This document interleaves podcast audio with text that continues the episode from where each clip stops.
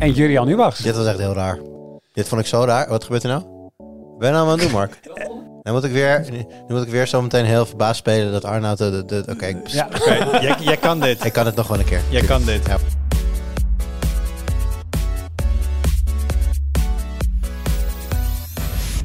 Hoi, leuk dat je luistert. Welkom bij de Tweakers Podcast, aflevering 285. Mijn naam is Arnoud en ik zit aan tafel met Wout Funnekotter Hallo. en Jurian Ubachs. Hoi, dit was echt heel erg raar. Dit is heel raar. Ja.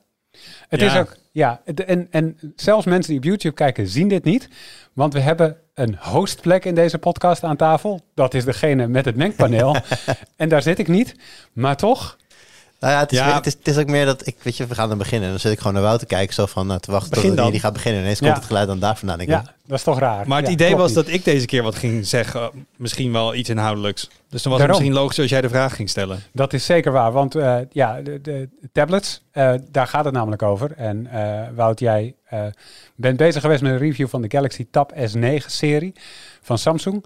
En, eh, Was dat niet ooit jouw eerste baan, ook officieel? Nou, ik, hoop, ik wilde hem eigenlijk zelf erin brengen. Maar leuk dat je zegt, ik ben aangenomen hier als tabletredacteur. ja, Ja, dat was ten tijde van de iPad 2 ongeveer, denk Kijk, ik. De destijds, des- destijds de hoofdredacteur die... ehm, jij bent ook door Wilbert aangenomen Ja, destijds? ja, zeker. Kijk, die, die was af en toe had hij het best juist. Dus ooit dacht hij, we hebben een smartphone-redacteur nodig, want het wordt echt heel groot. Toen nam hij Arnoud aan, nou, dat was een Mhm. goede keus. Toen dacht hij, we hebben een tablet-redacteur nodig, want dat is heel erg groot. Toen nam hij mij aan. Nou, dat bleek iets minder groot te worden uiteindelijk. Ja, nu was het ook wel een beetje, zeg maar, ehm, eh, nu duiken we gelijk de geschiedenis van Tweakers in, maar ach, toch leuk. Ehm, eh, hij nam mensen aan ook op basis van welk budget hij kon vrijkrijgen en waarvoor. Zo heeft hij Joost Schellevis, nu alweer jaren bij de NOS, aangenomen als ehm, eh, redacteur voor zakelijke software. Ja, nee, Wat hij natuurlijk helemaal niet ging doen, want hij ging zich bezighouden met privacy en beveiliging en zo. Dus ik denk ook dat je een beetje Het was onder... een beetje creatief boekhouden. ja, inderdaad. precies. Onder die vlag ben je binnengekomen. jullie waren natuurlijk allemaal wel redelijk van alle markten thuis. Want als je een beetje snapt hoe de tablet werkt en de software en zo, dat Ja. lijkt natuurlijk heel veel op alles wat er met de iPhone gebeurde. Dus als jij dan in Cupertino rondliep, dan kon je natuurlijk die hele, die hele sloot wel meepakken. Het was meer gewoon, voor mij was de iPad net uit. Ja. En dan eh, eh, moeten we iets mee. Ja. We nemen iemand aan. En dan ga ik gewoon andere dingen doen. Precies, dat is precies wat er is gebeurd. Maar goed, hier heeft dat goed onthouden. Dus ik dacht wel toen, het was zomer. Ik dacht, dat is ongeveer de augustus de enige maand dat ik af en toe denk, wow, wat zou ik eens gaan doen vandaag? Dat het wat rustig is, iedereen is op vakantie en zo. Dan denk ik altijd, dan doe ik wel een reviewtje. En toen was Donovan heel druk met allemaal telefoons en tablets. Dacht ik, tablet? Daar Mhm. weet ik ook, of heb ik ooit wel wat van afgeweten. Laat ik dat gewoon eens doen. Ja. En zodoende. Ja, en wat er met tablets is gebeurd sinds die tijd en wat we toen misschien wel of niet zagen aankomen, maar nu in elk geval wel, is dat ze naar laptops aan het toegroeien zijn. Ehm, en eh, jij hebt ook die Tab S9 geprobeerd te gebruiken. Geprobeerd te gebruiken. Ja, geprobeerd, Gebruikt. gebruikt als eh, laptopvervanger. Eh, en nou ja, we gaan er uitgebreid op in hoe dat werkt, wat er mist, wat er goed gaat. Eh, maar voor we daar zijn, hebben we nog een hoop te bespreken. Te beginnen met het punt post. Ehm, en we hadden het vorige week over de naam Gathering of Tweakers voor ons forum. En eh, dit is niet letterlijk post die is ingestuurd, dat kan ik er wel bij zeggen. Maar ik heb hem wel tussen gezet, want ik sprak Femme Taken, de oprichter van Tweakers. From the horse's mouth, zoals Ja, dat precies. zo mooi zeggen. Die, die sprak ik na publicatie van de podcast. En ik heb het hem gelijk gevraagd, want ik denk, dit wil ik weten. Het zat in mijn hoofd. En het antwoord zal je niet verbazen. Er zat geen diepe gedachte achter de naam. Eh, eh, er was al World of Tweaking en een forum is een plek waar mensen samenkomen. Het was een gathering en dus Gathering of Tweakers. En hij zei erbij, je moet bedenken, we waren allemaal een jaar of 19, 20 en we wilden dingen gewoon coole namen geven. Zo hadden we ook de Meuktrekker bedacht. En ook die naam die, eh, is er nog steeds, 25 jaar na dato. En ehm, eh, deze naam heeft het ook overleefd. Maar volgens mij is dat ook letterlijk wat we vorige week zeiden, toch in de podcast. Van ja, het forum komen mensen samen, gathering, zoiets zal het wel zijn. Ja, ja. En nou, dat- inderdaad. Maar nu heeft is het dat, nu is het officieel bevestigd. Ja, Bevestigd. Maar ik moet ook wel zeggen, als mensen, mensen kennen natuurlijk onze, onze backend niet. Maar wij zitten heel vaak in het CMS. En dat is door de jaren heen best wel vernieuwd. Maar soms kom je op wat oudere plekken van het CMS die door Femme gebouwd zijn. En ook de, gewoon de knopjes waar je op klikt. Dat is dan niet oké of verder of zo. Maar voor mij hadden we ooit een knopje met oké baas, zo moet hij erin of zo. Als je een Ja. plaatje uploaden en dat soort dingen. Dus dat was wel eh, Ja. 1999 humor. Dat alles een beetje eh, knipoogig moest zijn, denk ik. Dat denk ik ook. En eh, dat is, eh, dat is, dat, daaraan zie je dat de oprichters ook jong waren. Ik zag trouwens een zijpaadje. Maar ik ben host, dus ik mag dat gewoon. Ehm, het viel me ook op. eh, Gaat het altijd zo als je... Doe ik dat ook? Ja, Ja, Oh, dat zeg. ik was Fem aan het interviewen en dit kwam mij op, maar ik heb het niet tegen hem gezegd. Maar je merkte dus inderdaad dat hij jong was ten tijde van de omrichting aan dit soort dingen. Eh, maar Femme komt ook uit de Achterhoek. Jij bent in zijn huis geweest voor die video van eh, zes jaar geleden. Die eh, een miljoen mensen hebben bekeken. Ehm, eh, en, en, maar hij komt dus uit de Achterhoek. En ik denk ook dat je dat merkt aan de site. Op een paar dingen. Ehm, De Achterhoekse invloeden op tweakers. Kom maar Ja. door. Nou, het is, Meuk alleen al, denk ik. Nee, dat bedoel ik niet. Ik bedoel echt breder eh, dan dat. Ehm, want aan de ene kant, hij eh, vertelde ook, en dat merk je ook, eh Tweakers is wars van hypes. Ehm, dus als er een nieuw ding komt, neem VR of AI, dan zijn we niet de allereerste die dat in alle lagen van de site inbouwen en, en ons daarop richten toen de smartwatches kwamen. We waren niet gelijk met een app op de, op, de, op de Pebble te vinden of op de Apple Watch of wat dan ook. Daar duiken we niet gelijk op. We wachten eerst totdat het bewezen technologie is. En ik denk dat dat een beetje, dat is, dat voelt een is beetje... een beetje het nuchtere inborst van de Ja. Achterhoeker, zeg maar. Ja, en het niet specifiek achterhoek, maar gewoon mensen die wat verder van de, van de grote stad wonen, die denk ik ook wat meer was van hype zijn dan, dan mensen die in de grote stad wonen. En eh, wat daar ook heel veel eh, speelt, want we noemen het altijd de community, maar dat is gewoon een Engels woord voor gemeenschap. En dat is ook precies zeg maar wat regio's vaak kenmerkt, dat die gemeenschappen heel hecht zijn. Hè? De grote informele economie, mensen helpen elkaar. En daar is het forum toch ook wel een beetje op gestoeld. En het feit dat Femme is gelukt om een site te bouwen met een community eromheen. En heel veel anderen, zelfs in die tijd, niet. Dat komt denk ik omdat hij dat concept zo goed kende, omdat hij daar is opgegroeid en uit die, uit die cultuur komt. Nou, wat vind je van die bevinding? Ik vind dat jij heel erg lang over nagedacht hebt. Eh, eh, dit, dit is plausibel. Ja. Dit zou zomaar kunnen. Ik weet alleen, dit kunnen we denk ik niet echt toetsen of zo. Nee, dit we is, kunnen eh, het niet toetsen. Nee. Ik denk wel meteen eraan. Is dan als mensen klagen dat de website altijd zoveel witruimte en lege ruimte heeft, is ook in de achterhoek de huizen minder dicht op elkaar staan? Vind ik een mooie theorie. Maar eh Femme vertelde ook dat, eh, dat eh, mensen die reageren al sinds het begin de flessen azijn klaar hebben staan om over hun reacties heen te gooien. En nou ja, dat is dus wat er bij de eerste redesigns ook al gebeurde.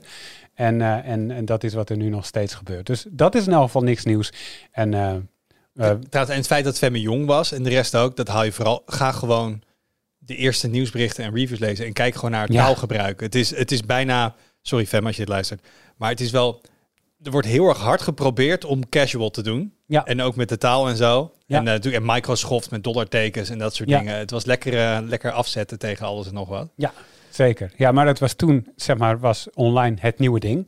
Zeker. tegenover magazines. En ze wilden, ze wilden zich ook echt afzetten. Anyway, dat, dat, nou, het plattelandsding misschien niet, maar het, al- alles over de designs uit die tijd en waarom dat zo was. In het interview over een aantal weken als we 25 jaar bestaan. Maar tot zover dit zijpaadje.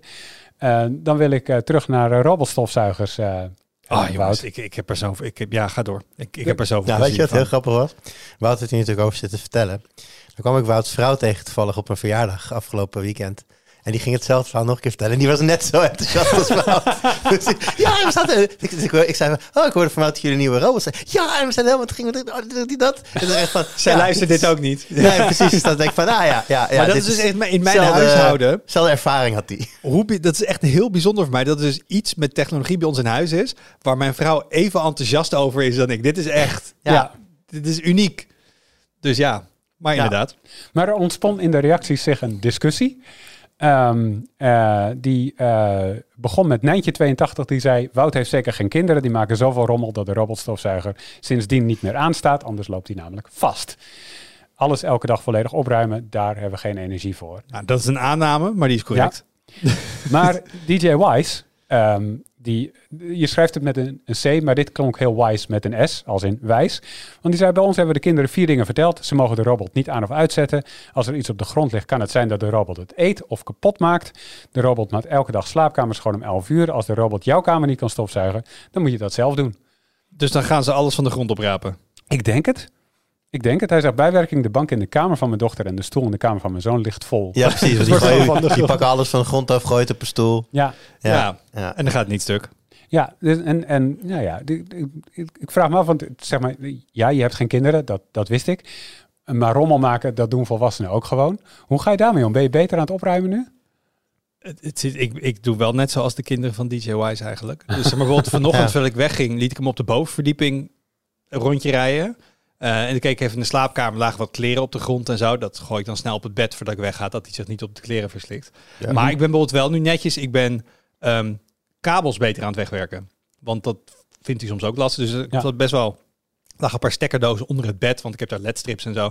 Dus ik ben wel vorig weekend eventjes netjes kabelmanagement gaan doen, dat hij zich daar niet op stuk rijdt. Dus dat soort dingen wel. Maar ja, je moet, je moet wel eventjes wat dingen van de grond oprapen als je je, je robotvriendje laat rondrijden. Ja, ja. Het is, eh, het is toch, eh, er komt, Zo, het is er komt het iemand stofzuigen Het is bij het je, zo dus. Ja. Ja, nou, het is wel, is wel even een reden dat ik, het, dat ik hem steeds minder vaak aan heb staan. Bij mij, bij mij moeten echt bijvoorbeeld de stoelen onder de tafel, eh, onder de eettafel, die moeten eigenlijk gewoon op de eettafel. Want anders kan hij echt niet goed onder de eettafel. Je kan, dan kun je zeggen van, nou oké, dan stofzuigt hij daar maar niet. Maar ja, dat wil je natuurlijk wel. Want je- Ja. Dus je haalt, en, en, de hokkers en zo. Dus uiteindelijk, het is niet dat je denkt van, daar ben je een halve dag mee bezig. Nee, het is misschien vijf minuten werk. Maar je moet wel al die stoelen op tafel en, en de barkrukken en de hokkers en de, en de speeltjes van de hond. En, en, de, en de, het drinkbakje van de hond, want anders heb je een zeiknatte keuken. Dus weet je, ja, ook wel eens vergeten. Dat soort dingen leer je allemaal. Ja, en op een gegeven moment, in het begin doe je dat dan. En dat wordt steeds minder. En op een gegeven moment denk je ook van, ja, ach.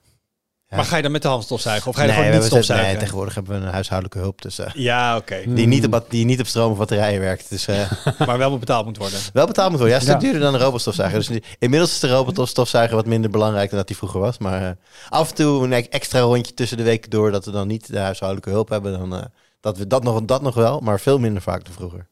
Ja. Yes. Niels9068 vraagt zich nog af, hij is eigenlijk letterlijk, hoi Wout, Ehm, ben, je Hoi niet bang, Niels 9068. Ben je niet bang voor je privacy met de camera's op je stofzuiger Roborock is? Van Xiaomi en dus Chinees. Nee. Ehm, dat zijn van die theoretische risico's. Ja, In die zin, je kan ook aan iedereen vragen met een Honor telefoon of voorheen een Huawei telefoon. Ben je niet bang, want er zitten allemaal camera's op je telefoon, een Chinees bedrijf. Ik denk dat Ja. was ook niet echt een ding. Mhm. Ehm, Wat ik daar wel een verschil in vind, om je even, als ik heel veel in mag breken, is dat als jij je telefoon s'avonds niet gebruikt, denkt ik leg hem dan in een la, want dat vind ik dan fijn. De robotstofzuiger kan voor zichzelf bepalen wanneer die, kan op afstand bepaald worden wanneer die even een rondje gaat rijden om wat dingen in beeld te brengen. Dat kan je telefoon niet. nee, maar dat, dan ga je dus vanuit dat ze een backdoor hebben ingebouwd. Want in principe, als die functie is ingeschakeld, loopt die constant te tetteren. Remote viewing active. Remote viewing active. Dat kun je niet, dat kun je niet uitzetten in de settings of zo. Oké. Dus dan moet je er al van uitgaan dat ze dus niet officieel die setting gebruiken. Dat ze een backdoor inbouwen. ehm, waardoor ze dus mee kunnen kijken zonder dat dat dingetje gaat spelen. Dat dat helemaal verstopt zit in de firmware. Dat kan allemaal technisch. Misschien ben ik dan gewoon veel te goed gelovig en veel te positief ingesteld. Maar de kans dat ze dat gaan inbouwen, dat dat nog niet ontdekt is na al die generaties. Dat ze dan mij gaan tar Ja, ik, ik, dan ga ik gewoon, daar zit ik gewoon heel statistisch in. Van is dit nou echt een groot risico in mijn leven? Nee. Ja, is Ja. natuurlijk wel een beetje het aloude ik heb niks te verbergen argument. Nee, ik ga ervan. Nee, dat is niet dat ik zeg. Ik heb niks Ja, te verbergen. mensen dus ze zeggen van ja, ze mogen merken, ik heb, toch, ik heb toch niks te verbergen als het over, je, dat is natuurlijk... Nee, maar ik zeg, niet, ze mogen, ik zeg niet ze mogen meekijken. Ik zeg, ik ga ervan uit dat de kans dat ze meekijken nee, maar- super klein is. Maar je zegt wel van, en dan zouden ze net mij moeten targeten. Dat is natuurlijk wel een beetje het... nee, maar dat is meer vanwege de statistiek. Dus je moet heel veel dingen moeten samenkomen om dit te laten gebeuren dat ze via die kamer bij thuis kunnen kijken. En die kans vind ik zo klein dat ik me er geen zorgen om maak.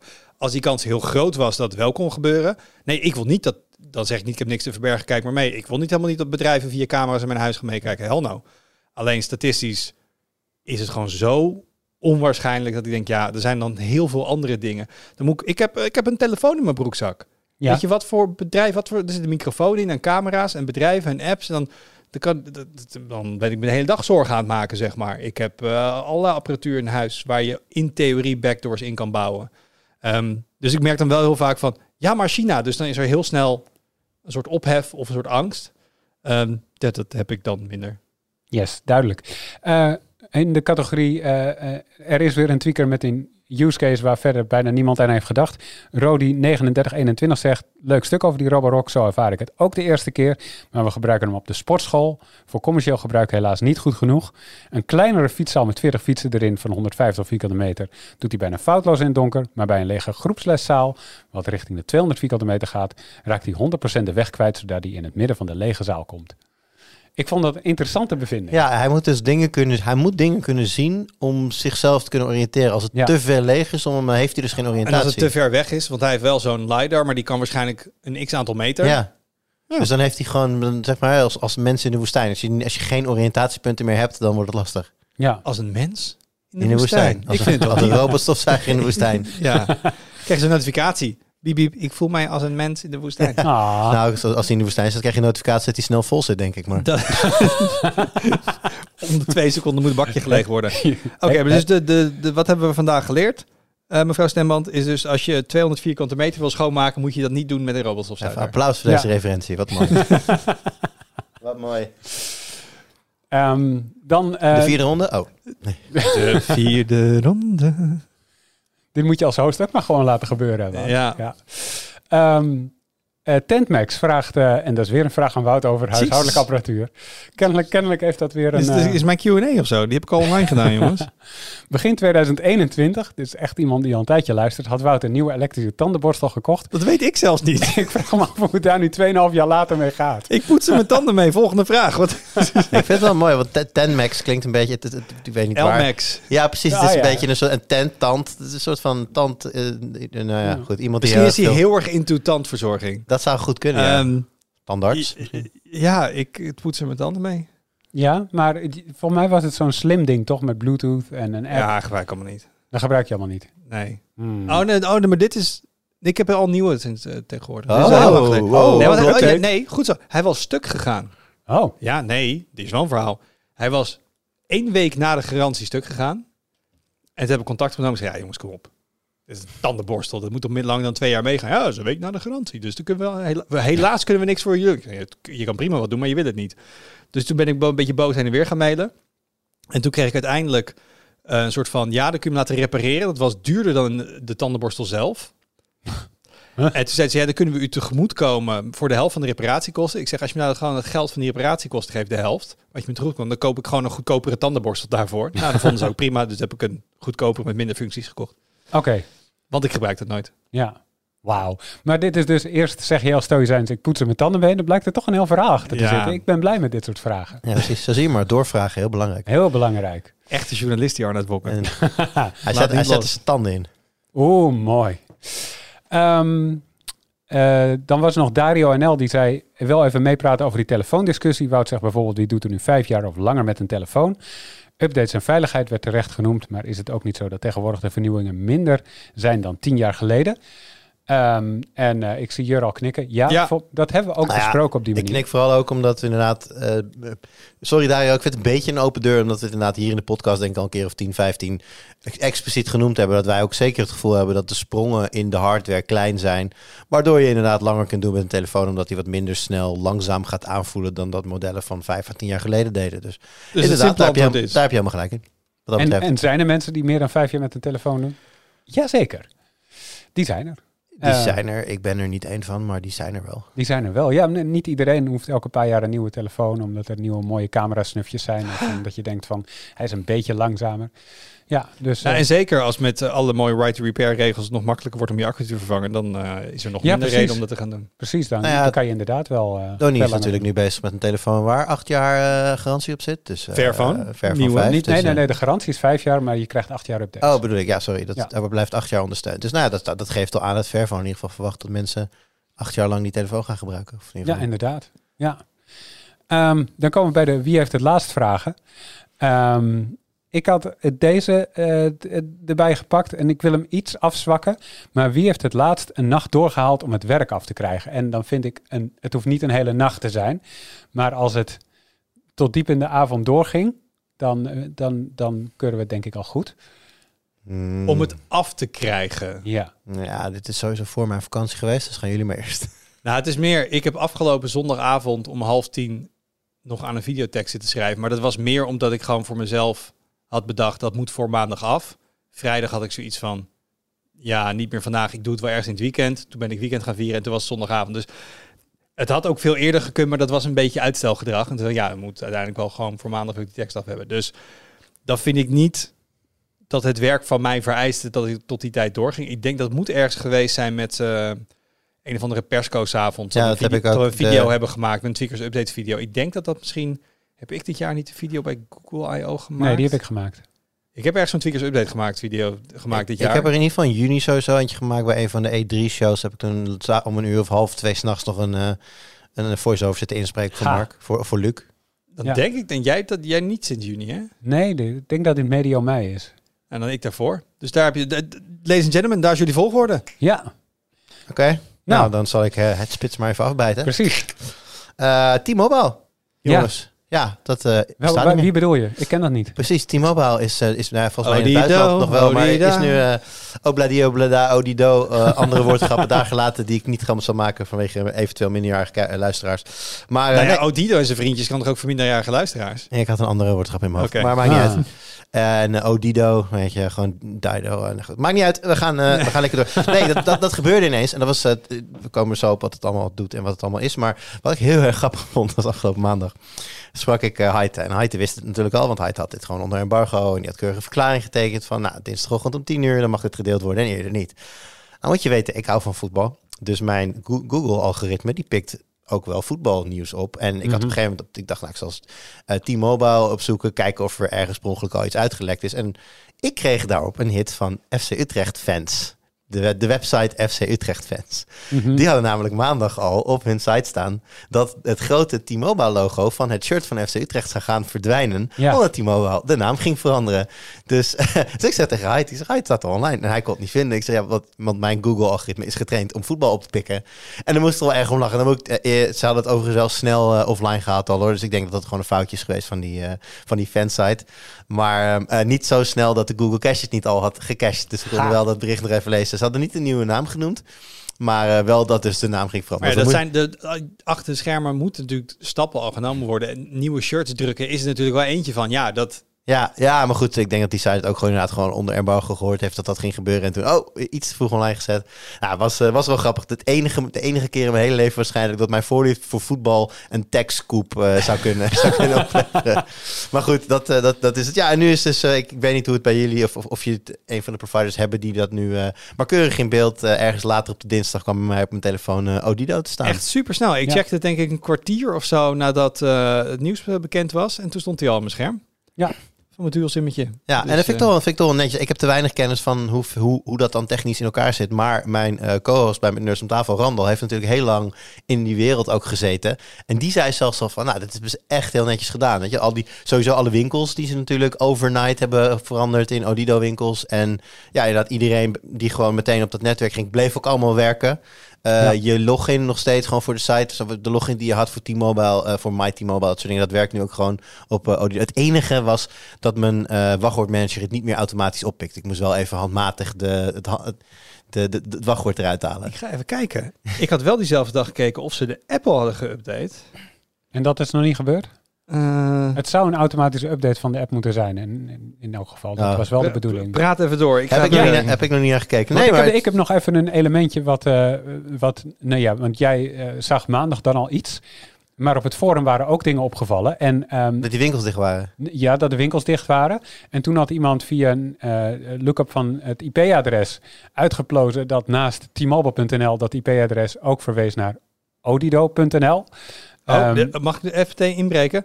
We hebben eenmaal Odido en eenmaal Odido. Ja, ik weet het ook niet. Maar ehm, dus eh, op het forum waren mensen daar al sinds maandagnacht over aan het kletsen. En ik- dinsdagochtend, ik werd wakker en ik kreeg van diverse kanten al tips van... hey, pst, wist je dat T-Mobile een nieuwe naam krijgt? En, dit is het. en daar Ja. kon ik niks over zeggen, want ja, streng NDA getekend. Ik zei, eh, mooi speurwerk. Ehm, maar eh, ja, die, die hadden het dus helemaal goed uitgeplozen. Maar dus even tussendoor. Op het forum stond het dus Hier al. hebben ze dus tijd naartoe gewerkt. Ze hebben waarschijnlijk een, een, een of ander brandbureau heel veel geld betaald om zo'n brandidentiteit te laten doen. Ja, ze, ze- ze- in een eh, statement stond ook dat ze, al, dat ze twee jaar... Want ze hebben natuurlijk twee jaar geleden... is natuurlijk T-Mobile, of dat, dat deel van T-Mobile was natuurlijk verkocht aan Ja. die investeringsgroep. Toen mochten ze... Daar is bij afgesproken dat ze vijf jaar T-Mobile als naam mochten blijven gebruiken in Nederland. Maar daar stappen ze dus nu zelf al eerder vanaf. En in dit statement zeggen ze ook van... Ja, we hebben de, afgelopen twee jaar hard gewerkt aan het neerzetten van een nieuwe, van een nieuw merkidentiteit. Ik weet niet of ze dat letterlijk zou zijn. Maar dus het geeft al aan. Ze zijn er echt een hele tijd mee bezig geweest, ja. En misschien klinkt dit heel erg eh, als een heel simpel dingetje, maar als je dan een nieuwe naam mag kiezen, en het blijkt dus nu al dat verschillende mensen niet precies weten hoe je het uitspreekt. Kies Ja, dan die een komen- naam die meteen voor iedereen toch meteen gewoon duidelijk is. Ah, we komen toch vanzelf wel radioreclames en zo, waarin ze het gewoon Ja. goed zeggen. Dan wordt het een soort Huawei-situatie dit. Ja, die. Team, team Mobile. Ja, ik, zie de, ik zie daar het probleem ook niet zo van in hoor. ik vind dat niet zo krachtig als mensen zeggen, oh, ik zie het op papier. Oh, oh, die, oh, die. Zeg maar, een, een sterk merk voor mijn gevoel. Weet je, gewoon meteen bam, staat. Je snapt hoe het klinkt, hoe het zegt. En... Nou ja, ik, wat, ik, wat ik nog niet gezien heb, of misschien is het er wel, maar heb ik het gewoon gemist, is een uitleg van de naam. Meestal Ja, als er een naam bedacht wordt, of een hele nieuwe naam, dan, dan, is, er, dan is het bijvoorbeeld een samenstelling van iets. Of, of, ja, of het verwijst ergens naar of zo. Maar dat heb ik nog niet voorbij zien komen. Een uitleg van waarom deze naam nou specifiek gekozen is. Dus, en ik kreeg ook een mail van ze als klant met we gaan, we veranderen onze naam. En de uitleg die daarin stond was iets van, eh, we vinden dat het allemaal anders kan en menselijker. En dat was hun uitleg waarom de naam verandert. En toen dacht ik, ja, maar dit is helemaal geen uitleg waarom de naam verandert. En ook niet waarom deze naam. Dus ik vond dat, eh, nou ja, Ja, dat gedeelte Ze hebben een heel beter. mooi brand identity document volgens mij, waar iedereen nu overal naast communicatie legt, zeg maar. En, Ja. want ik heb ook al op Twitter reactie vanuit het bedrijfsaccount Op Ja. X ook? op X. En het ging ook over, ja nee, want we gaan het menselijker doen. Kwam heel random, werd erbij een- gesleept elke keer. ik heb ook een reactie, want ik maakte namelijk als grapje. Oh, Dido is wat Aeneas zei toen hij verliefd werd op Dido door toedoen van Venus. En toen dacht, Mooi. hij, en toen dacht hij, oh, wat een leuke merknaam, die moet ik onthouden voor later. Ehm, en, en daar reageerde Odido op. En toen re- daar reageerde het, het, het, het, het X-account van Odido op met... Zo is onze love story begonnen. Dus, Oké, je hebt het gewoon dus uitgeplozen. ik heb, dus ik Ja, heb gewoon bevestiging dat het, in, dat, wat? dat het in de mythologie, eh, in de, eh, dat is onderdeel van... Nee, dat is niet onderdeel van de, van de Ilias.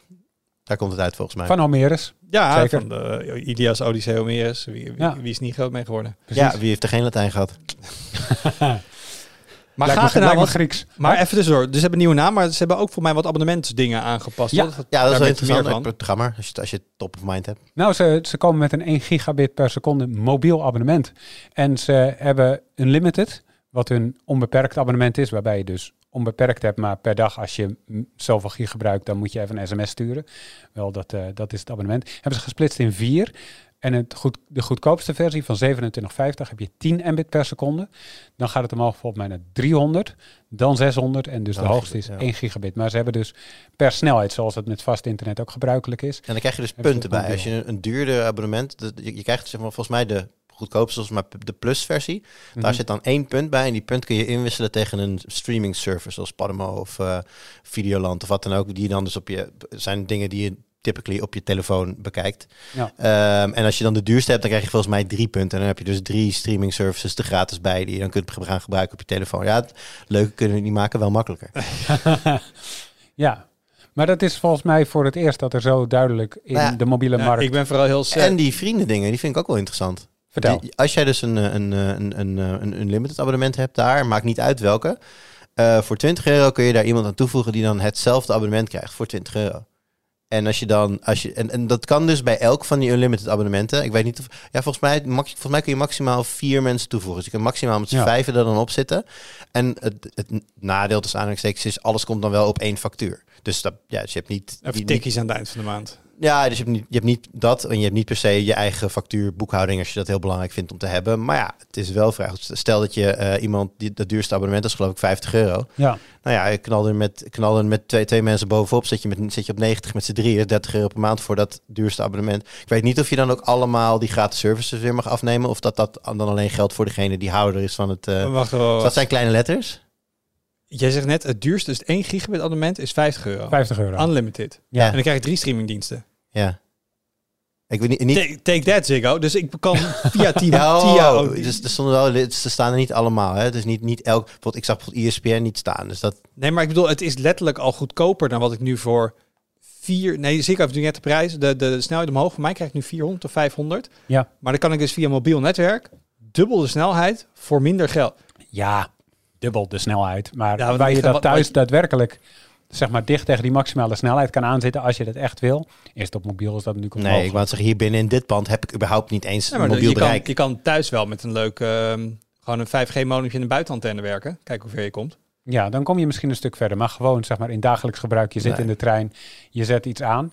Dan haal je, dan haal je Nee, nee, nee, maar het is bijna, dus dit is bijna, dit kan op papier interessant zijn voor een thuis-internetverbinding. Omdat het Ja. hoge snelheid, unlimited en dus competitief in kosten is ten opzichte van vaste internetaanbieders. Vind Ik weet niet of je dat op dat abonnement kan doen of dat ze aparte abonnementen voor hebben eigenlijk. dat mag. Dat was in het verleden wel zo namelijk. Want dan, krijg je, dan kan je de apparatuur bij lenen waar, waar je die simkaart in stopt en zo. Ja. Nou, het is, ik vind het, eh, er zitten een, hele, een, aantal hele interessante ideeën. En inderdaad ook dat, dat abonnementen delen, wat je dan in feite doet Ja. voor, door mensen voor 20 euro toe te voegen. Ja, dan kun je dat dure abonnement natuurlijk een stuk goedkoper maken. Ik ben wel benieuwd, eh, ik ben benieuwd hoe dat zich gaat ontwikkelen. Hoeveel mensen dat gaan doen. Hoe die, want hè, als wij over een, een jaartje ineens een gigantisch gestegen prijzen zien, dan weten we dus dat best wel veel mensen dat waarschijnlijk gedaan hebben. Dus eh, ja, ik ben benieuwd. Ja, dat, maar dat gaat toch vaak zo, zeg maar. Als een marktaandeel willen pakken, dan, eh, dan blijven de prijzen laag. En op het moment dat ze het hebben, dan stijgt dat langzaamaan door. Ja. Dus ja, inderdaad, ook heel benieuwd waar het... eh, waar Je het kan nu alvast een reminder voor over twee jaar in je telefoon zetten. Even de, die op Ja. prijzen checken. Nou, ik ben wel eh, benieuwd. Want je laat mensen, ik- laat het vooral ook even weten in, in de comments hieronder. Of je, of je nu dit hebt gelezen en gehoord en denkt, oh, dat ga ik zeker doen met. Want volgens mij mag het ook gewoon met vrienden. Het hoeft niet eens in één huishouden of zo. Je mag het gewoon echt, volgens mij, even tussen aanhalingstekens, met iedereen doen. Dus eh, dat klinkt, ik, ik weet niet, maar in mijn hoofd zegt een beetje too good to be true. Waar staan de kleine letters? Waar, waar, waar, waar, waar zit het addertje? Nou, ik weet wel wat jij gaat lezen als deze podcastopname af is. De kleine lettertjes. De kleine Ja. lettertjes, ja. ja, ja, ja. hey, ik wil het eh, hebben over eh, Huawei. Over Huawei. Huawei. Huawei. Ja, daar gebeurde iets, iets super raars deze week. Ehm, ze eh, kondigden vorige week uit het niks in China twee nieuwe telefoons aan. De Mate 60 en de Mate 60 Pro. En de Mate-serie is eh, een van hun serie van high-end telefoons. Nu is dat niet zo bijzonder. Ze richten zich vrij veel op China en veel minder op hier. Sinds de sancties van de Verenigde Staten. Kleine reminder voor wie dat was vergeten. Ongeveer vier jaar geleden eh, heeft de overheid van de Verenigde Staten een handelsverbod ingesteld. Zodat Amerikaanse bedrijven geen handel mogen drijven met Huawei en bedrijven die gelieerd zijn aan Huawei. Daardoor werd ook hun eh, chipdivisie, High Silicon, hard geraakt, want die stond ook op die zwarte lijst. En dus konden die geen socks meer produceren. Sindsdien, als, eh, als Huawei telefoons uitbracht, was dat met socks van Qualcomm. En even tussendoor, hoe zonde was dat, hè? Want Ja. ze waren bij High Silicon echt goed bezig in Ja. die markt. En, en, en nou, Qualcomm die, die voelde wel, zeg maar, hete adem in dat opzicht. En, Ja. en, en op bepaalde vlakken waren die soms gewoon beter dan die van de concurrentie. Klopt, en behalve dat High Silicon lekker bezig was, dus Huawei als geheel was ook helemaal op stoom gekomen. En die waren echt... eh, ik had het idee dat ze op weg waren naar het marktleiderschap, zeg maar. Die waren echt Samsung het vuur aan de schenen aan het leggen. Omdat ze zowel bij goedkope telefoons als bij dure telefoons echt onderscheidende dingen hadden. De marketing helemaal op orde hadden. Dus dat gingen echt lekker. En toen ineens kwam die knak. Ehm, eh, ze hadden daarna dus alleen nog maar Qualcomm socks. En eh, ze mochten geen 5G aanbieden. Want eh, de spionage, 5G-netwerken, nou ja, de overheden zijn er bang voor. Kortom, geen 5G in die modems. Ehm, en die Mate 60 en die Mate 60 Pro, eh Huawei kondigde die vorige week aan. En toen zeiden ze, en het is de snelste telefoon die we ooit hebben gemaakt. Wel, zulke dingen. En welke processor zit erin? Dat zeggen we niet. En dat was niet alleen zo op de specspagina, productpagina, ook in reacties. Ook naar Chinese media zeiden ze niet welke erin zat. Toen waren er natuurlijk mensen die kregen die telefoons in handen om te reviewen. Die haalden dat door benchmarks en zo. En toen stond daar High Silicon Kirin 9000S. En eh, die kennen we niet, één. En ten tweede, dat kan niet. Want eh, door, die, door dat handelsverbod kan High Silicon geen eh, processors laten maken bij Samsung of TSMC of zo. Dus de enige manier waarop dat kan, is als het in China is geproduceerd.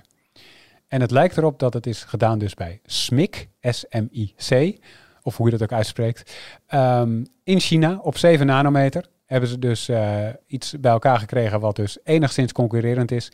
Als ik naar de benchmark scores kijk, dan kijk je tegen een high-end sok aan van twee, drie jaar geleden.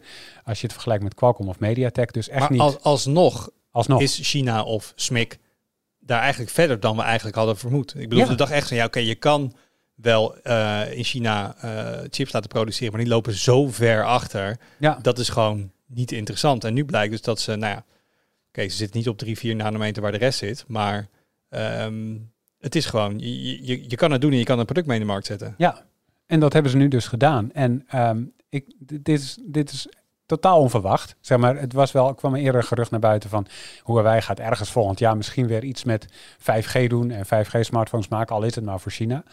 Ehm, en dat hebben ze dus kennelijk en nu al voor elkaar. Want dit ding heeft ook 5G. Ja.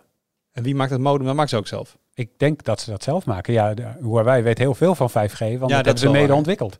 Eh, dus dat is voor hun zeg maar niet het moeilijke gedeelte. Alleen ze moeten om het handelsverbod heen. Dus ze mogen totaal geen onderdelen of technologie van een Amerikaans bedrijf gebruiken. Dus eh, ze hebben natuurlijk eerst al zoveel mogelijk van de software ook in huis gehaald. Dus in plaats van Google's versie van Android hebben ze hun eigen skin een soort van afgesplitst en noemen ze dan Harmony OS. Ehm, en dat zijn ze verder gaan ontwikkelen. Daar zijn ze nu al bij generatie 4. Ehm, dus op die manier proberen ze alles in China te krijgen. En nu zien we daar dus de vruchten van, wat ik gek vond. Want dit is, denk ik, als ik zo van buiten kijk, voor de Chinese markt echt wel een grote triomf. Zeg maar dat China. dik- dikke, dikke zegt, vinger naar "Kijk eens, Amerika. precies, we kunnen zonder jullie. Eh, maar ze scheppen er niet over op. Maar, en dat is denk ik misschien ook, omdat ze niet echt een pad voorwaarts hebben. Want ze hebben nu bij, als ze dus bij SMIC dit op 7 nanometer doen, ik heb er ook wat over gelezen. Ehm, dat doen ze waarschijnlijk gewoon met machines van ASML, die Ja. nog van voor de exportrestricties Ja. hè, er, eh, eh, ingekocht zijn. En daar kun je met multipatterning inderdaad tot ongeveer 7 nanometer komen. Maar willen ze verder dan dit, dan moeten ze naar EUV. En dat hebben ze gewoon niet op dit Ja. moment. En die machines hebben ze niet en kunnen ze niet kopen. Dus ja, dit is heel knap. Maar met de machines die ze nu hebben staan, is dit ook eigenlijk meteen de grens en kunnen Ja. ze niet door. Dat is ook nou ja, de, de analyses die ik erover heb gelezen. Ja. En daarom kan ik me voorstellen dat ze dit nu niet hoog van de toren blazen van kijk, we zijn terug en we kunnen dit weer. Want ze hebben geen vervolgstap Nee. eigenlijk op technologisch gebied. Ik denk dat ze erop gokken dat eh, bij SMIC of bij een andere eh, eh, leverancier in China op een gegeven moment toch EUV-machines komen. Ik denk dat ik zit te denken, die kunnen ze toch gewoon, nou, niet gewoon, bedoel, het zal niet makkelijk zijn, maar die kunnen ze toch maken. Ik bedoel, oh, Nee. stel jij bent China, nou oké, maar oké, waarom niet? Omdat de kennis ontbreekt. Er is een reden dat ASML ongeveer hofleveranciers van de hele wereld en niemand anders dit kan. Dit is blijkbaar zo ingewikkeld. Ja, nee, maar kijk, dat is, dat is ook een beetje omdat het kan. Letterlijk gewoon. Als jij, je, kijk, ASML heeft dat spelletje uitgespeeld. Ze zijn de allerbeste. Iedereen weet dat. Dus als jij dat nodig hebt, als jij een bedrijf hebt dat daarin doet, dan koop je daarin. Dat is logisch, omdat het kan. Maar op het moment dat je, maar als jij China bent en het kan niet meer, maar je wil het wel. En de middelen zijn virtueel onbeperkt. Eh, eh, er is weinig dat geld niet kan kopen. Nee, maar je kan eh, tijd. Ehm, Ja, oké, en maar hoe lang, hoe dus- lang is, maar hoe lang is de Nou situatie inmiddels al? eh, eh, Dat is wel interessant. We hebben Daan is laatst. eh, we hebben eh, Olaf is er maar vorig jaar bij eh, ASML langs geweest voor een interview en daar hebben we er deel 2 van gedaan. Daar was Daan voor langs geweest. Ja. En daar hebben we ook zeg maar de, de, de, de baas en ook de, de technische baas, maar die het echt allemaal snapt geïnterviewd. En als hij de tijdslijnen schetst, hoe lang zij bezig zijn met zo'n EV-machine, dat is dus meer dan 10 jaar aan R&D is eraan vooraf gegaan. Dus stel dat China na die eh exportrestrictie meteen is begonnen. En ze zitten op hetzelfde tijdspad, dan hebben ze nog jaren te gaan voordat Nou, ze dit in productie Tenzij een belangrijk deel van die, van die eerdere zeven jaar, dat, dat die, als die kennis al gewoon uitgewisseld was daarvoor. Ja, en die is Of, ge- of gejat is. gejat. Of dat gejat wou ik net zeggen, Ja. want China zat al binnen bij ASML met een hack jaren geleden. En ik denk niet dat ze hun pogingen gestaakt hebben. Ehm, dus de vraag is, is dat allemaal rond, rondom EUV of om de bestaande techniek van toen? Dat weet ik niet. ja, dat weet ik ook niet. Ehm, dus ik bedoel, ik ben, Nee, je maar ben het met je eens hoor. Als je heel veel geld tegenaan gooit, uiteindelijk kun je hier komen. Alleen, ehm, nogmaals, je, je kan opeens niet iets wat 15 jaar kost om te ontwikkelen in drie jaar doen. Dat nee, oké, maar het is dus wel een beetje een terugkerend ding dat we zeggen van, goh, China is daar al verder in dan dat we eigenlijk hadden gedacht dat mogelijk was. Klinkt een beetje alsof dit gewoon de volgende is waarvan we gaan zeggen, goh, ze zijn verder dan dat we hadden gedacht dat mogelijk was. En gek genoeg, of het nou China is of iemand anders. eh, en het klinkt misschien een beetje raar om als Nederlander te zeggen. Maar het feit dat de hele chipindustrie mondiaal afhankelijk is van één Nederlands bedrijf om dit te kunnen, klopt ergens ook niet. Dus ik zou het ook toejuichen dat er meerdere bedrijven zijn die EUV-machines kunnen maken. Eh, omdat je, ja, die afhankelijkheid die we nu hebben is eigenlijk best wel raar. Oké, ja, maar dan liever ook uit Nederland eigenlijk. Nee, precies. Dus dan wil je liever uit andere landen en dan niet uit China. Ja. Maar, ehm, nou ja, dus ik, ik... A, ik denk niet dat het op korte termijn gaat gebeuren. Lange termijn misschien wel. En dan hopelijk ook gewoon meerdere landen die het kunnen in plaats van alleen maar Nederland. Ja, inderdaad. Maar goed, ik, vond dat, ik vind dat eh, een opvallende ontwikkeling. En eh, ze, proberen in elk geval weer iets. Ehm, en ik ben heel benieuwd hoe dit verder gaat. Want net als jij heb ik er geen geloof in dat ze, dit, dat ze zeg maar veel verder kunnen komen dan dit. Maar misschien als dit goed genoeg is voor de markt waar zij zich op richten, is ook prima, toch? Door, eh, door wie zijn die dingen eigenlijk getest inmiddels? Gewoon door Chinese media? dan? Ja, Want ik Ja, neem klopt. niet aan dat er iemand anders in Amerikaanse of Europese media Ja, zullen die eh, überhaupt niet willen, toch? Bloomberg heeft er één geïmporteerd. En die hebben dus dat ding naar Canada opgestuurd waar een, ehm, een soort, een soort lab zit die zeg maar, chips uit elkaar trekt. Ja, En die zijn dus met een, ehm, met een elektronenmicroscoop gaan kijken naar de opbouw van de chip. En daarom hebben ze ook geconcludeerd, oké, dit lijkt ergens op TSMC's 7 nanometer proces. Daar heeft het wat van weg. Maar, eh, en ik zit hier totaal niet diep genoeg in, maar de manier waarop eh, de geheugendelen zijn opgebouwd. En dat wijkt heel erg af van het TSMC. Dus dat, dat is, dus het is uniek, laat het zo zeggen. Dus het heeft Mhm. dingen weg van dingen die ze herkennen. Maar zeggen, we hebben dit type chip. Kunnen we niet toeschrijven aan een TSMC of een Samsung of een Global Foundries. En daardoor komen ze een beetje uit. Dan moet het wel ergens lokaal geproduceerd zijn. Ja. Eh, dus, maar ik heb niet echt westerse reviews gezien, maar wel dus zo'n teardown. Nee, ik wil het zeggen, ik bedoel, als, als we ons toch al zorgen maken over camera's op, op, op Chinese hardware, een compleet Chinees gefabriceerd toestel met, Chine met Chinees OS en Chinese chip, Mwah, weet niet. Ja. nee, niet Mua- Huawei. Oh, sorry. Als hij een beetje maat. Mwah. Oké, sorry, ik stop al. Toch zou ik hem graag willen reviewen hoor. Lijkt me hartstikke leuk ding. En het is uniek. Ehm, ik, heb, ik heb ja. twee hele leuke DM's gehad. Mhm. Eh, ik ehm, deel hier altijd het lief en leed rondom mijn smart home. Dat vind Ja. ik leuk. En ik vind het fijn dat dit een safe space daarvoor is. En dat jullie dat af en toe toelaten. Ehm, en daarom eh, weten mensen ook van mijn poging in het verleden om een, eh, een, een bed occupancy sensor te maken. Dus ligt iemand wel of niet in bed. Ehm, en dat, dat weten mensen blijkbaar zo goed dat ik eh, heel kort na elkaar binnen dezelfde dag twee DM's kreeg. Dus ik, voor mij was dat na het weekend op maandag. En ik dacht, oké, twee DM's. Dus ik open de eerste en iemand zegt... Hey Wout, ik zag op YouTube deze video voorbij komen over hoe je je eigen bedsensor kan maken. Misschien vind je het leuk. Oh, wat lief. Dus ik klik terug naar mijn inbox en denk, ja, ik heb nog een DM staan. Hey Wout, ik zag op YouTube deze video voorbij komen over hoe je een bedsensor moet maken. Dus ehm eh, eh, Psycho en eh, Sir Ogle, eh, dank jullie wel voor de tips. Dus dat vond ik, ik moet er nog even goed induiken of dit is iets wat ik wil gaan Ja, net- heb je nu de sleutel te pakken waarmee je de bedsensor daadwerkelijk werkend Kun je nog even her- herhalen wat ook weer de bedsensor moet doen? Letterlijk kunnen detecteren of het bed bezet is of niet. Dus en, dan, je, en dan op basis daarvan gordijnen dicht en dat soort dingen. Of dat je zegt, ik wil in de slaapkamer dat lampen automatisch aangaan met beweging. Maar niet als er iemand in bed ligt, want dan ben je aan het slapen. Dan moeten niet opeens lampen uit zichzelf aangaan. Of ik wil in de gang boven dat het licht automatisch aangaat. Maar niet als in de drie minuten daarvoor nog iemand in bed lag. Want dan loop je waarschijnlijk s'avonds even naar de wc om te gaan plassen. Wil je niet dat zeg maar, de lampen fel aangaan. Dus die kan er dingen in automations mee doen om te kijken of er geslapen wordt Ah, en ja, dat soort dingen. Ja, gotcha. Ehm, ja, het is wel weer ook deze video. Het gaat gewoon uit. Dit gaat dan eh, uit van een, een standaard pressure mat die je op Amazon kan kopen. Ehm, dat is gewoon een mat die je ergens onder kan leggen. En er zitten gewoon komen een paar eh, touwtjes uit en die kun je op een eh, PCB aansluiten. Ehm, dus die had ik nog niet gezien. Dus ik, ik ga er naar kijken. En die kun je dan weer aan een ESP32 of een ander printplaatje solderen. Dus eh, misschien dat ik hier eh, weer even naar ga kijken. Maar dat vond ik bijna minder interessant. Dat ik het gewoon heel lief vond dat twee mensen dan meteen mij een DM gaan sturen. Ehm, maar dat was eigenlijk niet, dat was heel kort. Dat was niet echt de highlight. Wat, wat meer mijn, wat mij opviel was eh, een nieuwsbericht dat we hadden geplaatst ehm, over het feit dat, eh voor mij kwam dat van YouTube zelf, ehm, dat ze hadden gezien dat YouTubers zich minder op lange video's aan het richten zijn en meer op shorts. En moet ik even mijn woorden passen, want wij maken ook shorts. En dat vind ik heel leuk. Maar als het ten koste gaat van lange video's, vind ik het echt een hele slechte ontwikkeling. We maken meestal shorts ook ter Erbij. promotie van Ja. de langere video's, toch? Ja. Ja. en dat vind ik wel. Hè, dan kun je even een quoteje ergens uithalen. En denk je, oh, dit vond ik leuk. Ik wil de hele video kijken. Maar blijkbaar zijn er ook YouTubers die zich enkel op die korte video's gaan richten. En ik vind het echt een enorme verarming van het aanbod, zeg maar. Dat wil ik eens even in de groep gooien. Ik vind het leuk inderdaad wat jij zegt als het extra is. Maar ik vind, ik heb YouTube door de jaren heen zo, ben ik het zo gaan waarderen als een enorme bak aan hele interessante, relevante content en, en video's van twee uur, drie uur soms. Of eh, maakt Ja. niet uit hoe lang, maar gewoon echt hele waardevolle informatie. Je kan er alles vinden.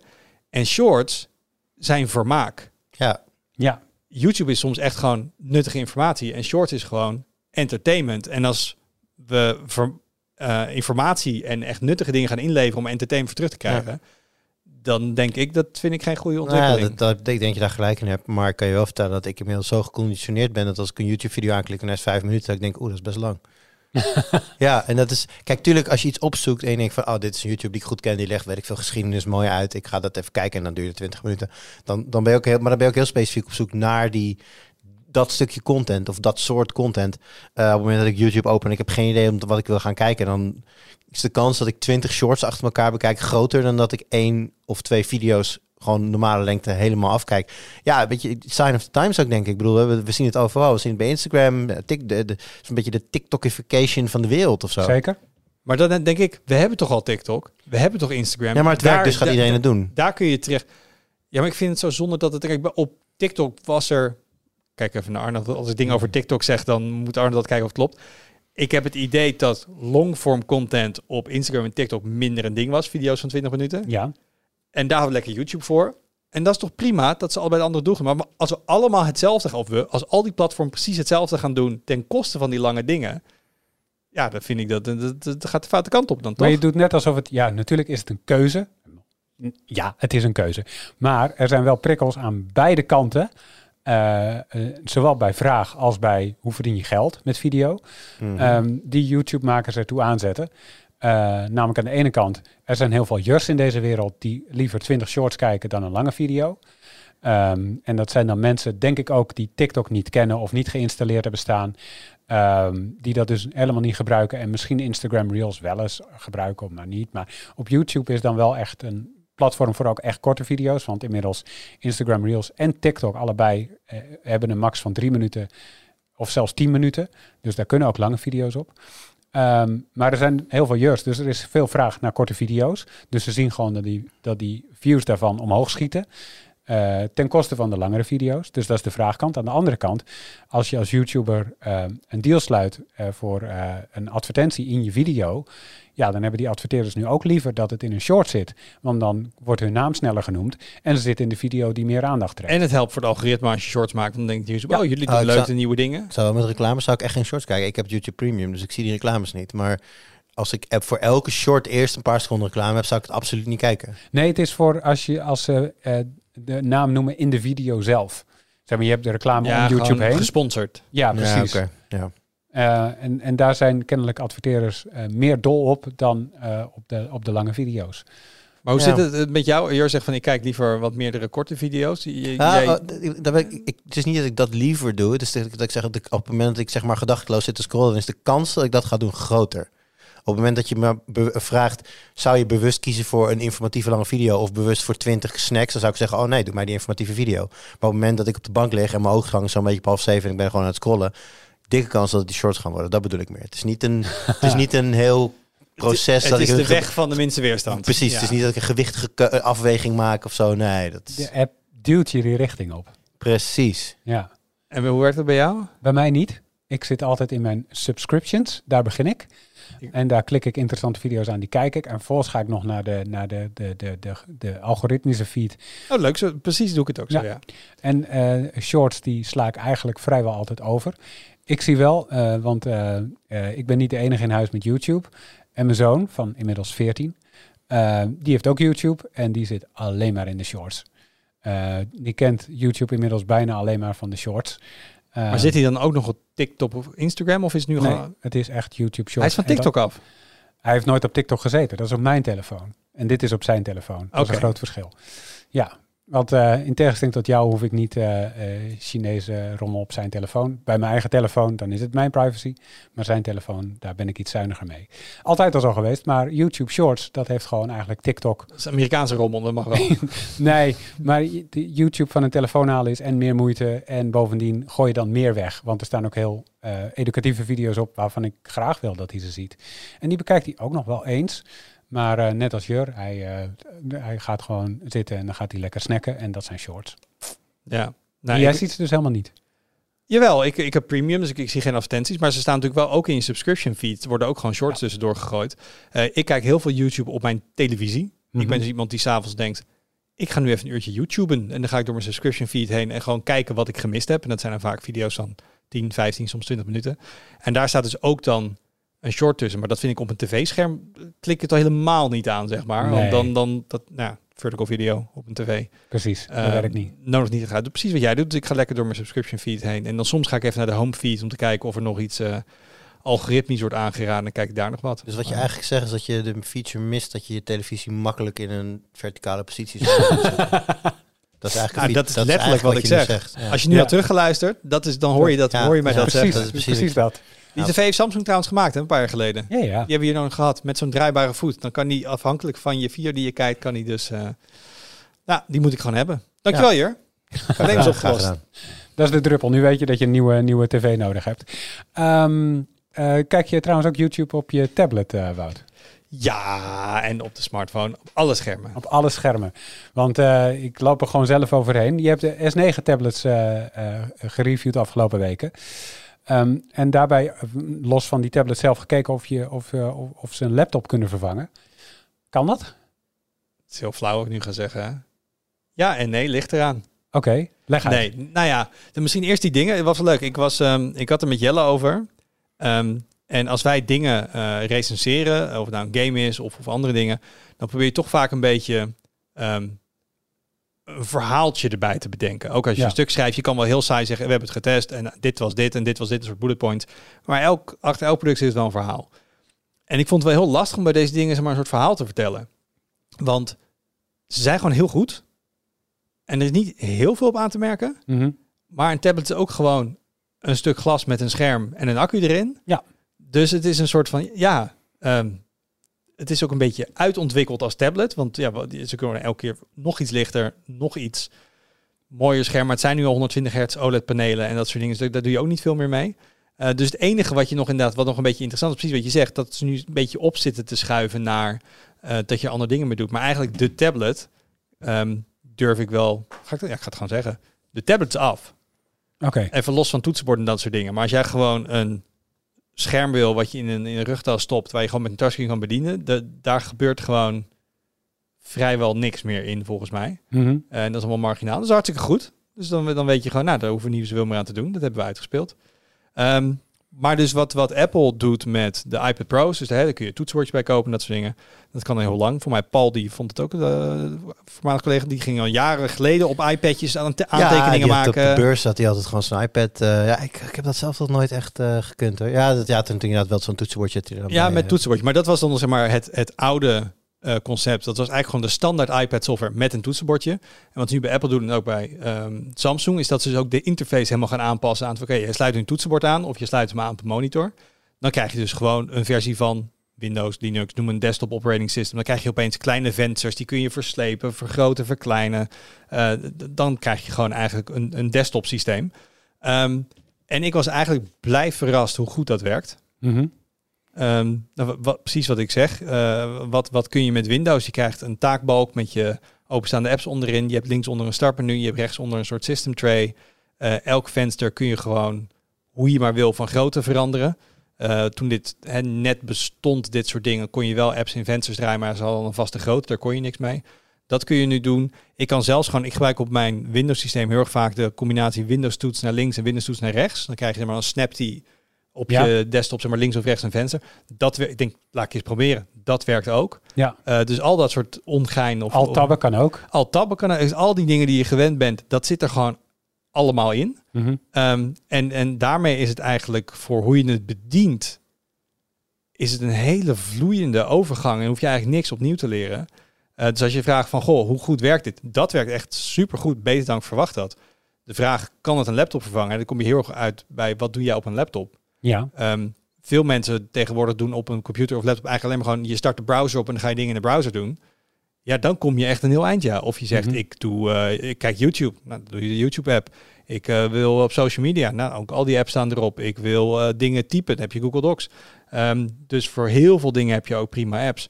Als jij zegt, ja, ik, ben, ehm, ik wil gaan gamen. PC-game, ja, tuurlijk niet. Nee. Eh, als je Ja, dat zegt, is op laptop voor het grootste gedeelte ook niet zo. Als je, nou, je hebt gaming laptops, een hele categorie. Ja, nee, oké. maar ik bedoel, als je gaat kijken naar welke mensen zouden eventueel kunnen kijken naar of een tablet hun laptop kan vervangen, dan zijn het natuurlijk niet de gamers, dan zijn het de mensen die hun laptop gebruiken voor werk. En dan misschien ook nog een spelletje erop spelen. En dat, ja, die grens, ligt, komt, die, die grens ga je gewoon eerder tegenkomen. Aan de andere kant zijn het natuurlijk ook weer weer games die nou juist op tablet speelbaar zijn. Dus dat is, krijg je dan Ander soort, ander soort games Maar inderdaad. ja, nee, zodra je, zodra je lokaal niet al te veel zware dingen hoeft te doen, denk ik dat je vrij makkelijk een, een, een tablet zou kunnen gebruiken. Ja. Ja, ik, ik kwam. ehm, nou, bijvoorbeeld wat we altijd eh, op de redactie hebben, wat dan het zwaarste veel redacteuren doen op een laptop, vaak is het ding met foto's bewerken. Ja. Maar tegenwoordig een mobiele versie van Lightroom bijvoorbeeld, die is echt heel erg feature complete. Als je dat vergelijkt met eh, wat je op de, op de desktop doet eigenlijk. Vrijwel alle functionaliteit van de desktop, die zit erin. Als je zeker naar het grafische kijkt en je kijkt dan naar een, een iPad Pro, daar, die zitten nog iets meer te pushen op die grafische markt, die grafische ontwikkelaars. Daar kun je ook gewoon video-editing programma's draaien. D- dus ja, ik denk als jij nu iemand bent die een laptop van een, een instap laptopje koopt of voor school of dat soort dingen.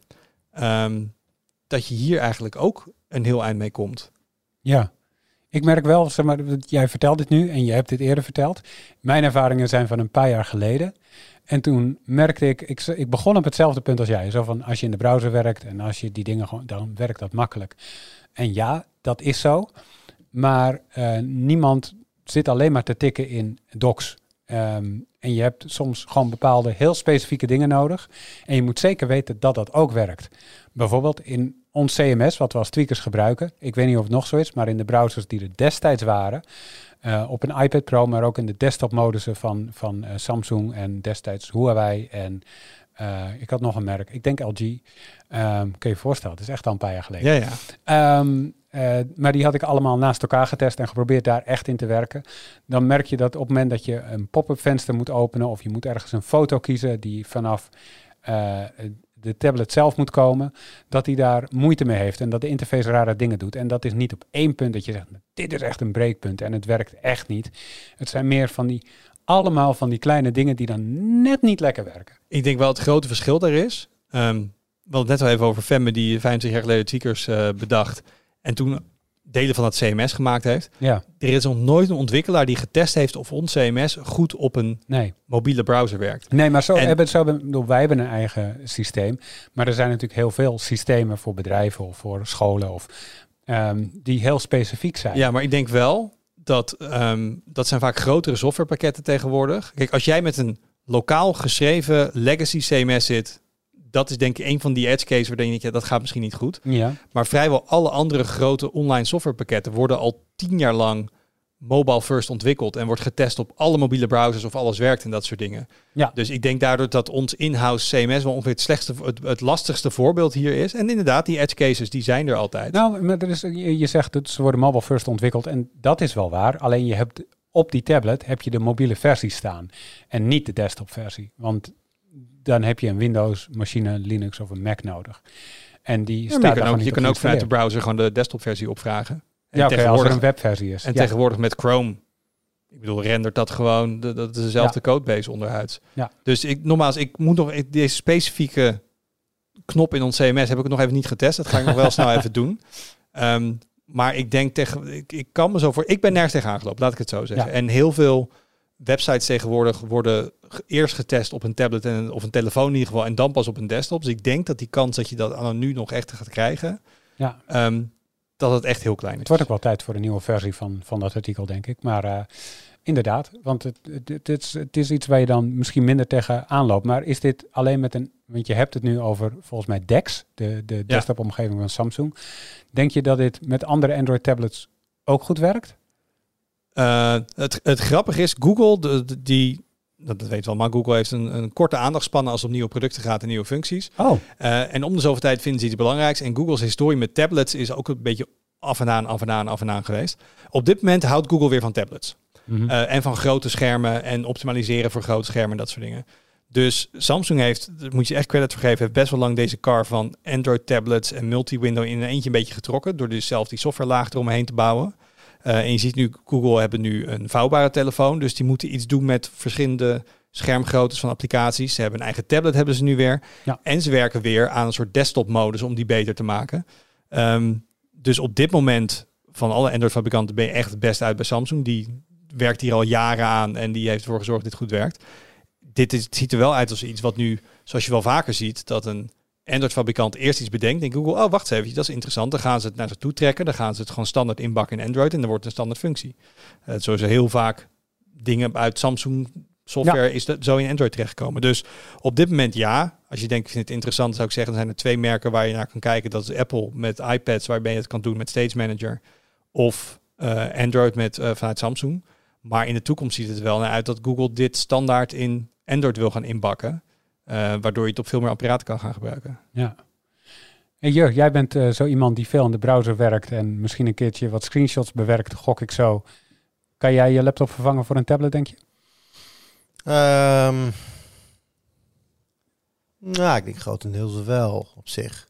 Het is alleen, uh, ik gebruik bijvoorbeeld mijn laptop ook als ik tussendoor eventjes een half uurtje niks te doen heb, bijvoorbeeld voetbalmanager op te spelen. Mm -hmm. Ja, dat houdt dan wel op. Ja. Maar uh, dat is op zich niet per se noodzakelijk. Dus nou, ik denk op zich, ge- even met uitzondering van de edge cases die je noemt, weet je wel, waar ik, ik heb ook, werk ook wel eens met bepaalde stukjes software eh, die, die bijvoorbeeld nodig zijn om bepaalde assets te kunnen downloaden, dat soort dingetjes. Daar willen ze nog wel eens een eigen oplossing voor hebben, eh, uitgevers.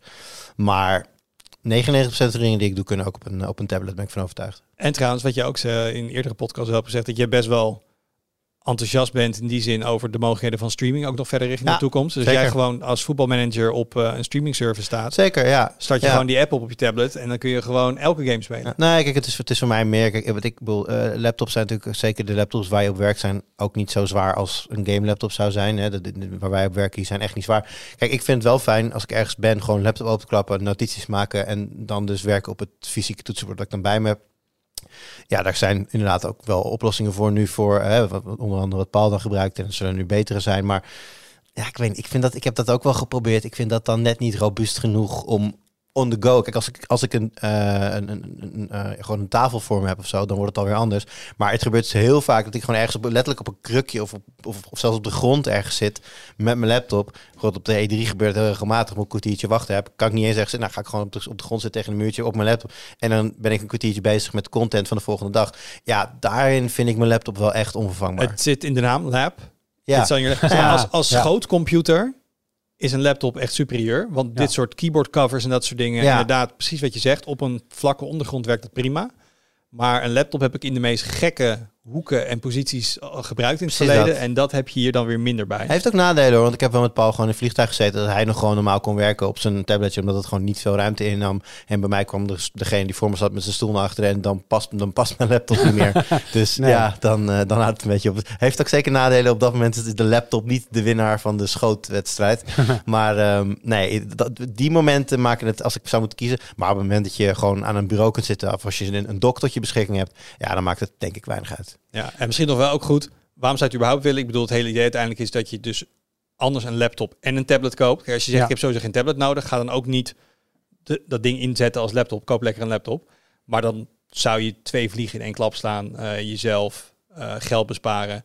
En ik bedoel, vind maar eens een, eh, een, een mooie 12,4 inch laptop met een OLED-paneel met 120 hertz refresh rate. Ja, Ja. dat soort dingen vind je in de laptopmarkt niet. En dat kun je dan hier bijvoorbeeld wel weer, wel weer vinden. Dus ehm, Ja, nee, en ook voor ons werk zijn natuurlijk wel, wel voorbeelden waar, het, waar ik het wel zou overwegen. Bijvoorbeeld, we hebben wel eens van die openeertjes, weet je, dat je een, in één dag openeert naar Londen. En dan, heb je, dan loop je gewoon de hele dag met je laptop om je schaap. Want ja, je bent continu. Ik zou daar op zich wel eh, eh, overwegen om het dan te doen met een tablet. En, en dan daarop dan maar de aantekeningen te maken. Want dan spaar je gewoon gewicht en dan gaat het al gewoon wat sneller. En je hebt in het vliegtuig ook meteen in het vliegtuig iets waarmee je kunt lezen of een filmpje kunt kijken. zeker. Ik moet zeggen, voorheen Of in de trein trouwens. Ja, Ja. Ik nam op vakantie va- toch wel geregeld mijn laptop mee.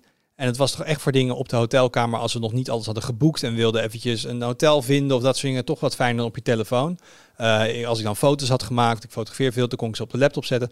Dat doe ik dus nu niet meer. Ik heb nu tegenwoordig een tablet bij me. Ja, ik heb, ik heb dat dus eh, in Indonesië allemaal vanaf mijn telefoon gedaan.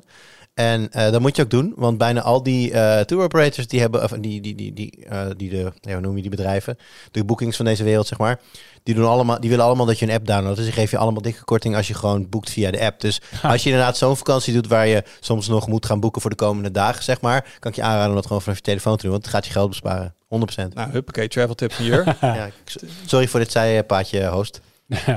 maar ehm, eh, het- volgens mij de, de eerste keer dat we hoorden dat laptops en tablets naar elkaar aan toegroeien waren, eh, dat is al meer dan tien jaar geleden. Toen je net tabletredacteur was, denk ik. Toen kwam Windows 8 uit met die tiles, weet je wel. Toen kregen laptops ook touchscreens. En toen dachten we al, ze groeien naar elkaar toe. Ehm, denk je dat nog steeds, dat ze naar elkaar aan toegroeien zijn? Meer dan toen. Hmm. Maar de vraag is of ze ooit convergeren en samengaan. Dat denk ik niet. Omdat je, je zal altijd de gaming laptop houden. Je zal altijd de workstation van de developer die weet ik niet wat allemaal wil draaien. Maar ik denk, en je ziet het ook al een beetje, een beetje de markt van de Chromebooks, de dingen voor op school, het, het lichte gebruik. Ja, ik denk dat je daar wel steeds dichter eh, op een punt komt dat het zou kunnen. En dan vraag ik me af, want ik hoor dus nu net dat je thuis, als je met de juiste hardware, kan je gewoon een gigabit aan mobiel internet hebben. Op het moment dat dat overal beschikbaar komt, kun je dus steeds beter, steeds makkelijker streamen. Dan wordt eh, het lokaal aanwezig zijn van die hardware, wat je refereert naar game laptop, wordt steeds minder belangrijk. En ook wat je in die game laptop kunt stoppen is, is zeker vergeleken bij desktop, is desktop game PC's zo underwhelming dat je op een gegeven moment denk ik van ja, maar je kunt gewoon als je gaat streamen vanaf een of andere ziek bakbeest ergens in de cloud naar je, naar je schermpje toe. Dat is dan, ik denk serieus dat dat op vrij korte termijn een betere gameervaring gaat opleveren dan wat je lokaal kan draaien op je laptop. Dus ik ben er nog niet zo van overtuigd of die game laptop altijd blijft bestaan. Ik denk het niet eigenlijk. Ja, ik weet het niet met streaming. Jur. We hebben het er vaak over. En elke keer als we er zelf naar kijken, denk ik, ja, het is eigenlijk best wel, best wel oké. En toch Stadia is over de kop. Xbox doet het, maar ik heb, ik heb nou niet het gevoel alsof iedereen nu helemaal wappie Ja, maar het- warm aan het lopen is voor het, streaming. het ligt allemaal aan netwerk. Ik bedoel, eh, weet je, als jij een gemiddelde treinreis pakt in Nederland, ik zal je je- vraag iemand die elke dag van Rotterdam naar Amsterdam gaat met de trein bijvoorbeeld, waar de, waar de, waar de dead zone zit. En hij kan het je precies aanwijzen. En daar Hm. stopt die game dan. Dus zolang we dat soort problemen hebben, gaat dit niet werken. Maar op het moment dat het netwerk beter dekkend is, misschien moeten de treinen zelf eh, eh, drie, vier, vijf G-masten gaan, eh, gaan meenemen, weet ik het. Verzin een oplossing. Maar zodra je een, een netwerk hebt dat gewoon volledig dekkend is, waar je geen aut autootjes meer hebt, of misschien kun je die op een andere manier opvangen, ik heb geen idee. Maar als, je, als we daar eenmaal zijn, is lokale hardware niet meer belangrijk.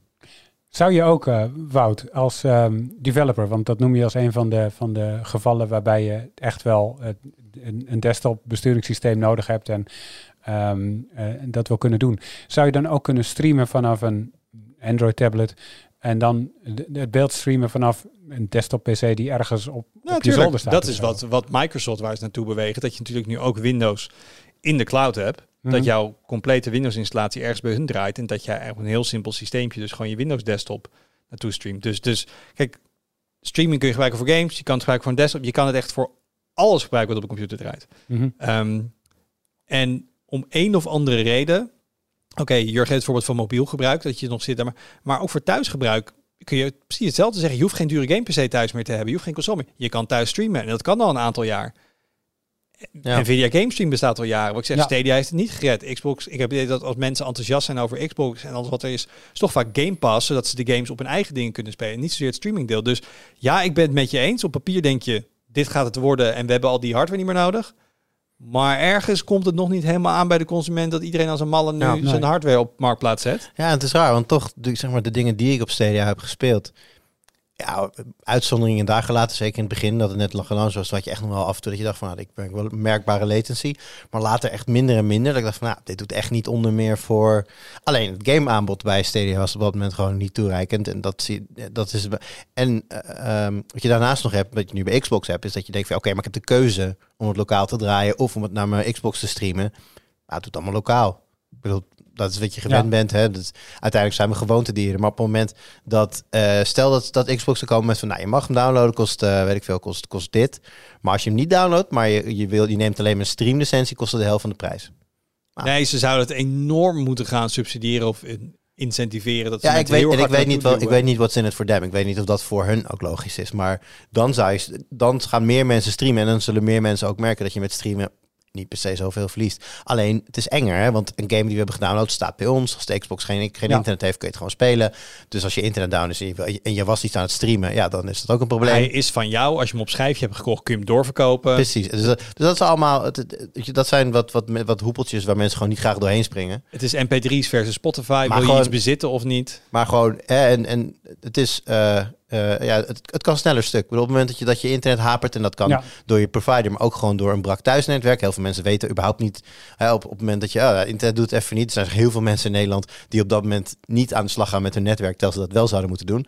Ja, die gaan niet een hele fijne tijd hebben als ze gaan streamen. Dus dat zijn, dat zijn, dat zijn hobbels, ja, die blijven in de weg zitten, dat wel. Ja, over eh, tien jaar, meneer de tabletredacteur. Eh bestaan er dan nog tablets? Wat zijn dit dan weer voor vragen, Arnoud? Ja, ik, ik doe hem toch maar. Ik gooi me gewoon in. Ja, want ze bestaan al 30, 35 jaar of zo. Dus een 10 jaar erbij kan er nog wel. Zijn ze al 35 jaar? Tablets? Ja, Wat was, wat, was, 20 denk ik wel. wat was de allereerste tablet? ja is de Newton een tablet? Een, een- hm, meer PDA? Nou, we zitten in die markt. Ja, oké, dan gaan we iets verder terug. Maar die Windows dingen waren uit 2003 of 2004 of zo. Windows XP Tablet Edition 2001, 2002. Zoiets, ergens in die zit al meer dan 20 jaar. Eh, Letterlijk elke keer, als ik me realiseer dat 2003 20 jaar geleden is, dan is dat een soort van moment. Ja, you're old. Ja, dus die tien jaar komen er nog wel bij. Ja, dat redt het nog wel. Oké. Al is het maar omdat Apple ook geen keus kan maken of een iPad nou een computer is of niet. Die blijven ze ook lekker verkopen. En heel eerlijk, net als dat mensen Luxaflex zeggen bij zonwering, zeggen ook heel veel mensen gewoon, hey iPad. Ja. Terwijl het gewoon een ander soort tablet is. Dat is waar. Nou, dat lijkt me een goed moment om eh, dit onderwerp eh, af te ronden en te kijken naar wat er komende week op de site gebeurt. Nou ja, de Tab S9 dus. Video erbij ook volgens mij. Ja, zeker wel. En eh, als, als, als tablet zelf, heb je ze hoog gewaardeerd? Want ze zijn wel duur natuurlijk. Ze zijn wel duur. Dus het is, het is een gevalletje, eh kost wat, maar dan heb je ook wat. Ja, inderdaad. Over de dingen die dingen kosten gesproken. De smartphone BBG, keurig per prijsklasse. Eh, komende week kan je weer eh, iedereen er naartoe sturen die een nieuwe telefoon nodig heeft. En, eh, en weet ongeveer wat hij eraan uit wil geven en wat je dan krijgt. Eh, dat komt de komende week aan. Er is een Apple-event komende week. Joh. Ja. Spannend. Dus ik, Wat heb- zouden ze gaan aankondigen? ik ben heel benieuwd. Nou, maar Zo- even, even als serieuze vraag. Tuurlijk iPhones. Ja. Komt er nog iets naast iPhone, denk ik, of is het puur iPhones? AirPods. AirPods, Watch. Ja, Watch. En ik denk dat er dan zijn. Misschien een iPad, maar ik denk het eigenlijk niet. Dat Want zijn ik zo denk dat bij alles maken die ze kunnen doen, toch? Het zijn nog MacBooks, iMacs. Ja, oké, maar die zit altijd in een aparte show, toch? ja, ja. Ja, precies. Ik denk dat ze die dus in oktober doen. Dus ze hebben een soort van groepje mobiele producten. Ja. En daarin zitten inderdaad de iPhone en de Watch en de AirPods. Ben je hyped? Ehm, een beetje wel. Een, Ja, een, beetje hyped. Het punt is dit. Ehm, de, de, de grote upgrade van dit jaar, dat is echt geen geheim meer. En iedereen is er rotsvast van overtuigd dat het komt, is USB-C in plaats van Lightning. En Maar is het USB-C? het is USB-C. Of is het Thunderbolt over USB-C? Dat kan Of is het USB 3 over USB-C? Dat- Of gewoon USB 2 over USB? Je weet het nooit met USB-C. Dat weet je niet. Maar wat, er- wat ik wel weet, is dat Apple dit niet wilde. Tot echt kort voordat die wet werd aangenomen, fel tegen heeft geprotesteerd. Want dit moet van de Europese Unie. Hoeft eigenlijk pas volgend jaar. Maar eh, het moet van de Europese Unie, want die willen universele laadpoort. En hier zien we dus regulering van grote techbedrijven in de praktijk. En wat voor gevolgen dat heeft. Dat vind ik super tof. Ik, Wat is- ik zou het meer Apple vinden om gewoon een niet super goed eh, ding erin te stoppen en dan heel erg de push op draadloos opladen. Vind ik, meer iets, vind ik meer iets voor hun. Ik vind het vooral iets voor Apple dat ze wilden dit niet, maar ze gaan ons dus vertellen in het event hoe graag zij dit wilden Ja, en hoe goed het is dat dit erop zit. Want Ja. ze gaan natuurlijk niet Ja. zeggen, nou, we moesten dit doen. Nee, Ja. ze gaan USB-C op de iPhone. Dat, dat, voor mij is dat wel leuk als marketeer van, oké jongens, we moeten dit doen. Maar we moeten het doen lijken alsof we dit heel graag wilden en alsof we er heel blij mee zijn. Hoe ik, gaan we eh, dit spinnen? Het lijkt mij, het lijkt mij vooral heel grappig als ze dan dat, nou, dat zit er dan op. En inderdaad, misschien wel met zo'n mooi verhaaltje bij. Maar als je echt snel wil laden, dan moet je onze nieuwe draadloze lader kopen. Dan zit, gaat die twee keer zo snel vol. Ik weet niet of dat technisch te halen is, maar oh, dat is technisch zeker te halen, want ze, ze laden bedraad helemaal niet zo snel op. En andere merken hebben dat draadloos inderdaad al twee keer zo snel, letterlijk. ja, dus dan dat, pakken ze gewoon een eigen. Kan, maar of ze dat ook doen, weet ik niet. En dan over vijf jaar moet dat ook universeel worden. Dun, dun, dun. Dat is er al. dat dat, heet, dat heet Qi 2 en dat lijkt ontzettend op MagSafe, wat op iPhone zit. Want dat is magnetisch draadloos laden. Maar nu kun je, je kunt nu de iPhone niet op die Qi 2 gooien nog, toch? Mm, ja, het kan wel, want volgens mij... Qi is heeft iPhone? Hij, ja, heeft hij dan gewoon wel een fallback naar Qi 1. Maar dan heb je niet de hogere snelheid. Ja, inderdaad. precies. Dus, eh, dus, dus als Apple nog geld wil verdienen aan oplaaddingen, dan gaan ze gewoon lekker hard inzetten op eh, hun eigen draadloze oplaadhardware. Ja, dat klinkt wel heel des Apples inderdaad. nee, of dat dit jaar gebeurt, weet ik niet. Maar lijkt me een zeker iets wat ze gaan doen. Oké, maar dit is op de dinsdag, hè? Dit is op de Wow, er is nog iets anders op dinsdag, wist je dat? Ik denk het wel. Ik denk dat jij er bent, dat ik er ben. Ja, wij, eh, en jij niet. Ik niet. Nee, Wout en ik zijn eh, dinsdag aanwezig op de enige echte Tweakers Dev Summit. Inderdaad, die is weer terug. Als je er nog niet bij bent, Kan waarom het ook niet meer? Kan het ook niet meer? Zijn wij? Eh, ik, volgens mij ligt, is er nog kaartverkoop? Ik heb werkelijk geen idee. Dat, dat hadden we even kunnen checken van tevoren. Hadden we maar- even kunnen checken van tevoren. Ja, nee, sorry, sorry, voor, sorry voor de mensen die Hier het wordt, hier wordt het live gecheckt, denk ik. Ja, Ja, maar, Maar we gaan jij- er, maar- maar we gaan er wat doen hier. Als jij dat even, ja, we gaan er wat doen, want eh, we hebben natuurlijk, zoals, zoals altijd, zijn daar een aantal keynote speakers. En ehm, nou, ik, ik doe de rest kort om als ik zeg van dat dat de leukste speeches zijn. Maar dat zijn over het algemeen wel mensen die gewoon echt heel erg goed zijn in het geven van speeches. En dat zijn gewoon talks die je niet wil missen. Bij, in, de, in de tracks eh, gaat het vaak wat meer de diepte in. Is het soms wat drogere kost. Voor devs natuurlijk super interessant. Maar die eh, keynotes die zijn over het algemeen voor de hele zaal wel, wel Precies, voor een wat breder publiek Ja, precies. En eh, wat wij gaan doen is de drie keynote speakers die daar zijn, die daar komen, die schuiven na hun keynote speech nog even bij Wout en mij aan, aan de podcasttafel nog in te richten. Besloten door Wout op dat moment. En eh, dan eh, gaan wij eh, diegene nog eens nader aan de tand voelen. Misschien wat vervolgvragen stellen. Natuurlijk ook eventjes kort van waar ging de talk ook weer over. Want ja, als we dit, dit komt natuurlijk ook in onze, in onze feed terecht als bonusaflevering. Zodat mensen die er niet bij zijn, dan in ieder geval de inhoud van die, van die keynotes ook een klein beetje mee kunnen krijgen. Alleen dan in de vorm van een, een vraaggesprek tussen deze twee doorgewinterde journalisten. En, en de Zo. gast. En de Mooi. gast. Wauw. Dus als je erbij bent, eh, je kan er gewoon bij komen staan. Het is in de Ja, openbare is ruimte ergens- gaan we dat doen. Ik weet nog niet waar, maar ergens in, het, ergens in, eh, in de fabriek is het. eh een- ik, ik heb een hoek gezien waar we op, het, eh, op de plattegrond Oh, staan. we worden weer in een hoekje weg, weggestopt. Nee, Nee, dit is een hele mooie hoek. Goed voor de akoestiek. En er zijn nog kaarten beschikbaar. Kijk, dus eh, ben je geïnteresseerd in, eh, in software development? eh, check zeker eventjes het, het programma. Misschien Ja. zien we je daar. dat Ik vind ook doen. ontzettend balen dat Apple weer op die dag juist weer zijn Ja. iPhones moest Ja, gaan jij zit helemaal klaar om dat allemaal te verslaan en video's te maken Ja. daarvan en Nou, in te die, die. Apple Show die is om, hoe laat? Die is om 7 uur. Ja, precies. En de call time voor crew eh, is volgens mij 7 uur s ochtends of iets dergelijks. Ja. Dus dat zou een aardige dag worden voor jou, ja. Nee. Dat, eh, ik heb Tim Cook nog gebeld en gevraagd van, eh, kan dat nou echt niet anders? Hij zei, ja, ik heb de uitnodiging al gestuurd, dus dat gaan we niet meer veranderen. Dus nou ja, het is wat het is. Altijd Ja. jammer met Tim. Ja, Hey, dank jullie wel. Eh, jij dankjewel voor het luisteren. Feedback kan eh, onder de YouTube-video, onder de punt geek op de site of naar de mail podcast.tweakers.net.